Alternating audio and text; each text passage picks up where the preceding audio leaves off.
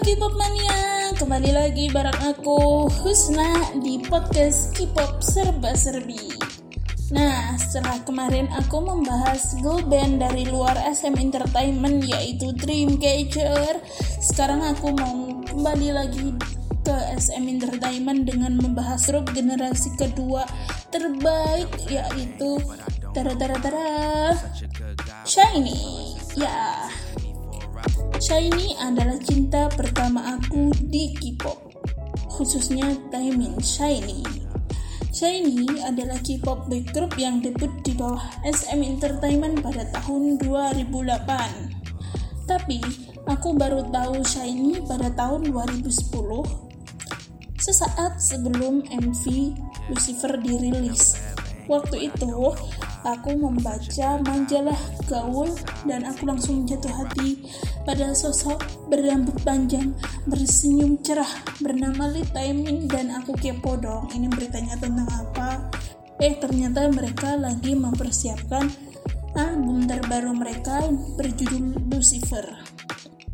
Setelah resmi rilis, aku cari-cari di internet Lucifer itu yang kayak gimana sih? Ternyata Tara, setelah tahu lagu Lucifer aku jatuh hati tetap pada Taemin, gila sama lagunya juga. Dan setelah itu aku mulai masuk ke dunia perkipopan gara-gara senyum Taemin, gara-gara Shiny.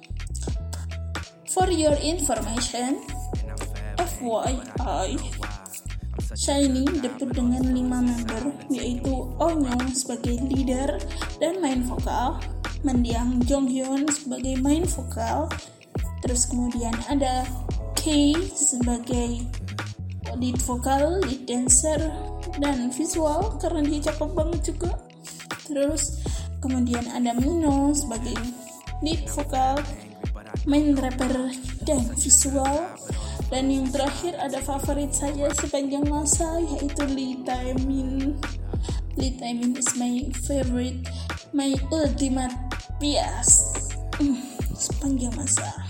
Nggak tahu ya sorry kalau pronunciationku salah. Tolong di komen di instagram aku di variatel uh, underscore jusna jadi f a r i c h a t u l underscore jusna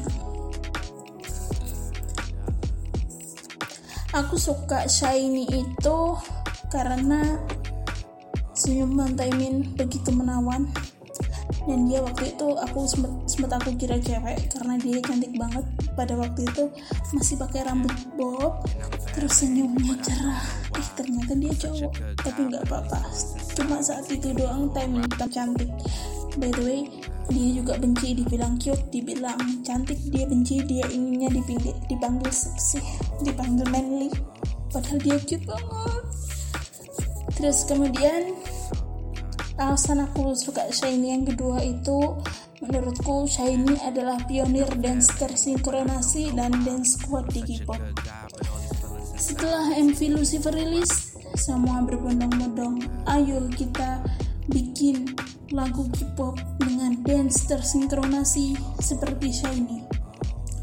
Dengan dance squad seperti Shiny. Dengan style fashion seperti Shiny karena Shiny pada waktu itu jadi panutan terutama di bidang dance. Sekarang pun masih jadi pan, pan, uh, masih jadi panutan terutama timing timing dari apa sih cuma main dancer kayak gini gini gini nyanyinya nggak bisa eh gitu banyak yang mencibir kayak gitu di awal debutnya.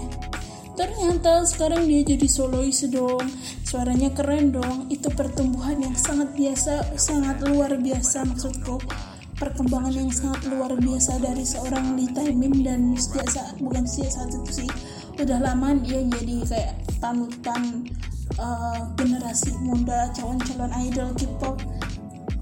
Uh, idolnya siapa? Lee Taemin. Idolnya siapa? Lee Taemin karena dia memang salah satu panutan di K-pop. By the way tadi aku nyebut uh, member yang udah nggak ada yaitu Jonghyun udah nggak ada di sini bukan berarti dia keluar ya. Dia meninggal by the way dan itu sangat membuat aku sedih. Alasan aku suka Shiny yang ketiga adalah vokalnya kuat khas artis SM walaupun dance-nya juga kuat. Jonghyun itu di, boleh dibilang salah satu main vokal K-pop terbaik di samping uh, di samping Chen, Chen EXO. Itu Jonghyun itu juga salah satu terbaik. Onyeon juga terbaik juga sih dan vibe-nya beda. Cuma sayang aja kalau Jonghyun udah nggak ada. Sedih aku tuh. Kaget banget waktu itu waktu pengumuman berita waktu ada berita dia nggak ada karena menurutku uh, sebelum dia nggak ada itu kayak nggak ada isu apa pun gitu. termasuk isu uh, sakit mental itu kayak nggak ada ironisnya karena meninggalnya beliau meninggalnya Jong Hyun itu aku jadi itu aku jadi lebih care lebih aware sama mental illness. Eh ternyata ada loh mental illness. Aku kehilangan banget. Iya pasti. Untungnya ada Onyo yang di, uh, di Shiny yang masih bisa lah jadi main vokal. Walaupun mungkin banyak orang yang bilang Onyo nggak sebagus Jonghyun tapi menurutku Onyo sendiri udah di atas rata-rata. Idol main vokal idol K-pop yang lain juga. Tapi di satu di sisi lain aku sedih. Di sisi lain aku kayak merasa bersyukur karena dengan Jonghyun gak ada banyak orang yang lebih care sama mental illness sama penyakit mental.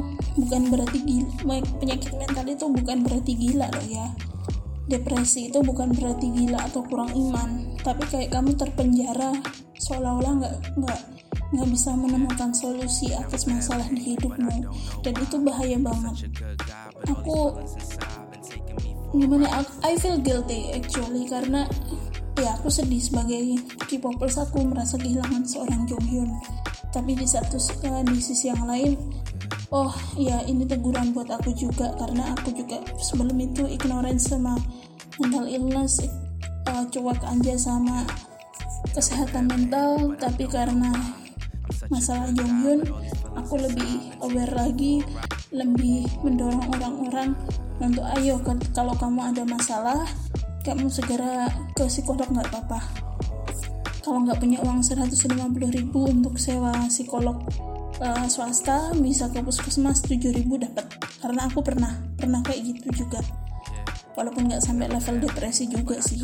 nggak nggak separah Jonghyun. nah itu dia. salah satu alasan aku suka Shiny uh, balik lagi itu karena vokalnya kuat. Baek Jong Hyun uh, Onyo Ki juga bagus Mino juga berkembang Taemin apalagi sangat berkembang. Baik uh, kemudian lagu favorit aku di Shiny itu lagu Lucifer. Lagu yang menarik aku dari antah berantah menjadi seorang K-popers Lucifer. Terus kemudian Replay yang aku bilang salah satu lagu debut terbaik sepanjang masa di K-pop. Terus yang ketiga adalah lagu View. Namu Adam down down down down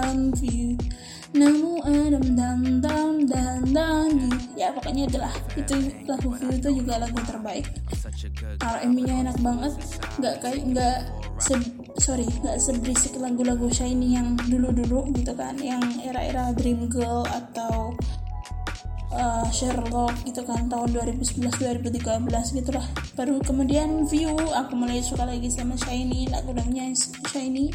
Setelah sebelum-sebelumnya aku stuck di Girls Generation dan Super Junior dua seniornya Shiny terus selanjutnya ada lagu One Oh One. Ini lagu terakhir Shiny bareng Jonghyun tapi nggak apa-apa. Aku sedih tapi aku selalu mengingat Jonghyun setiap lihat MV-nya Shiny dan aku nggak merasa sedih lagi karena Jonghyun karena Jonghyun mengingatkan aku bahwa depresi itu ada dan aku harus mendukung orang-orang yang mengalami hal yang seperti itu. Dan tentu saja lagu Don't Call Me yang lagu terbaiknya Shiny yang terakhir, uh, titel tracknya Shiny yang terakhir. Lagu Don't Call Me ini by the way agak keluar sedikit dari lagu-lagu Shiny biasanya. Biasanya kan lagu-lagunya Shiny tuh bright terus R&B nya strong. Nah lagu Don't Call Me ini enggak lagu Don't Call Me ini kayak tough gitu kayak kuat. Oh manly banget cool gitu modelnya. Dan salah satu poin penting dalam lagu Don't Call Me ini adalah vokalnya Onyo at another level. Membuat lagu ini kayak kayak sakral kayak mewah banget kayak khas-khas kerajaan itulah. Dan itu yang membuat aku suka lagunya. Shiny yang terakhir Don't Call Me. Jangan lupa guys untuk streaming lagu ini. Dan sebelum aku tutup episode kali ini, aku ingin berpesan kepada kalian, selain untuk mendengarkan lagunya Don't Call Me, mendengarkan lagunya lagu-lagunya Jonghyun yang lain, yang lagu Brave, lagu is apalah itu pokoknya aku suka. Susah nyebutnya. Vera Ella Vera Ella itulah. Aku lupa aja bingung cara nyebutnya. Itu lagu juga bagus. Uh, Jong Hyun itu nggak cuma main vokal yang bagus tapi juga produser yang bagus. Uh, dan juga kalau kalian emang uh, merasa sedih dan menghargai kepergian Jong Hyun dan keputusan dia please kalau kalian ada masalah atau orang sekitar kalian ada masalah dengerin dia. Dengerin curhatannya dia serandom apa pun itu jangan menjudge jangan menghukumi. Tapi kalau misal masalah itu menurut kalian terlalu susah untuk kalian bilang aja ayo kita pergi ke psikolog nanti aku temani.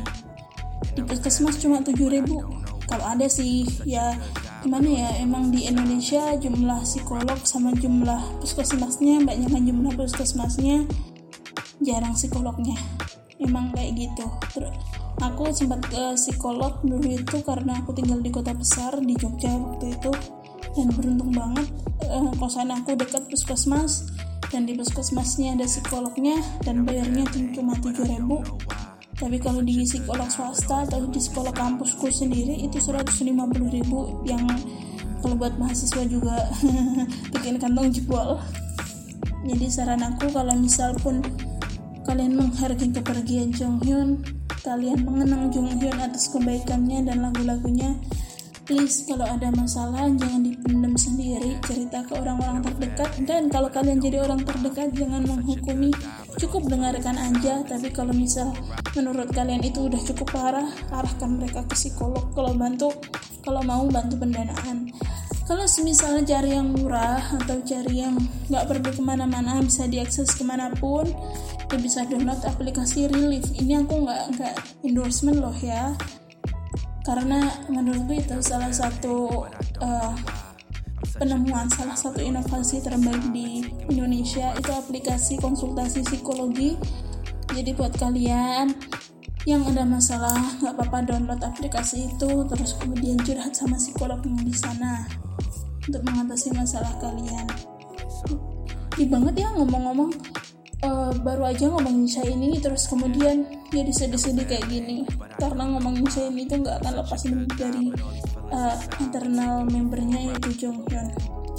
Oke sekian dulu podcast kali ini. Jangan lupa komen dan share di Instagram aku Fari Hatul underscore Cusna. Tulisannya F A R I C H A T U L underscore Cusna. C H U S N A. Bye bye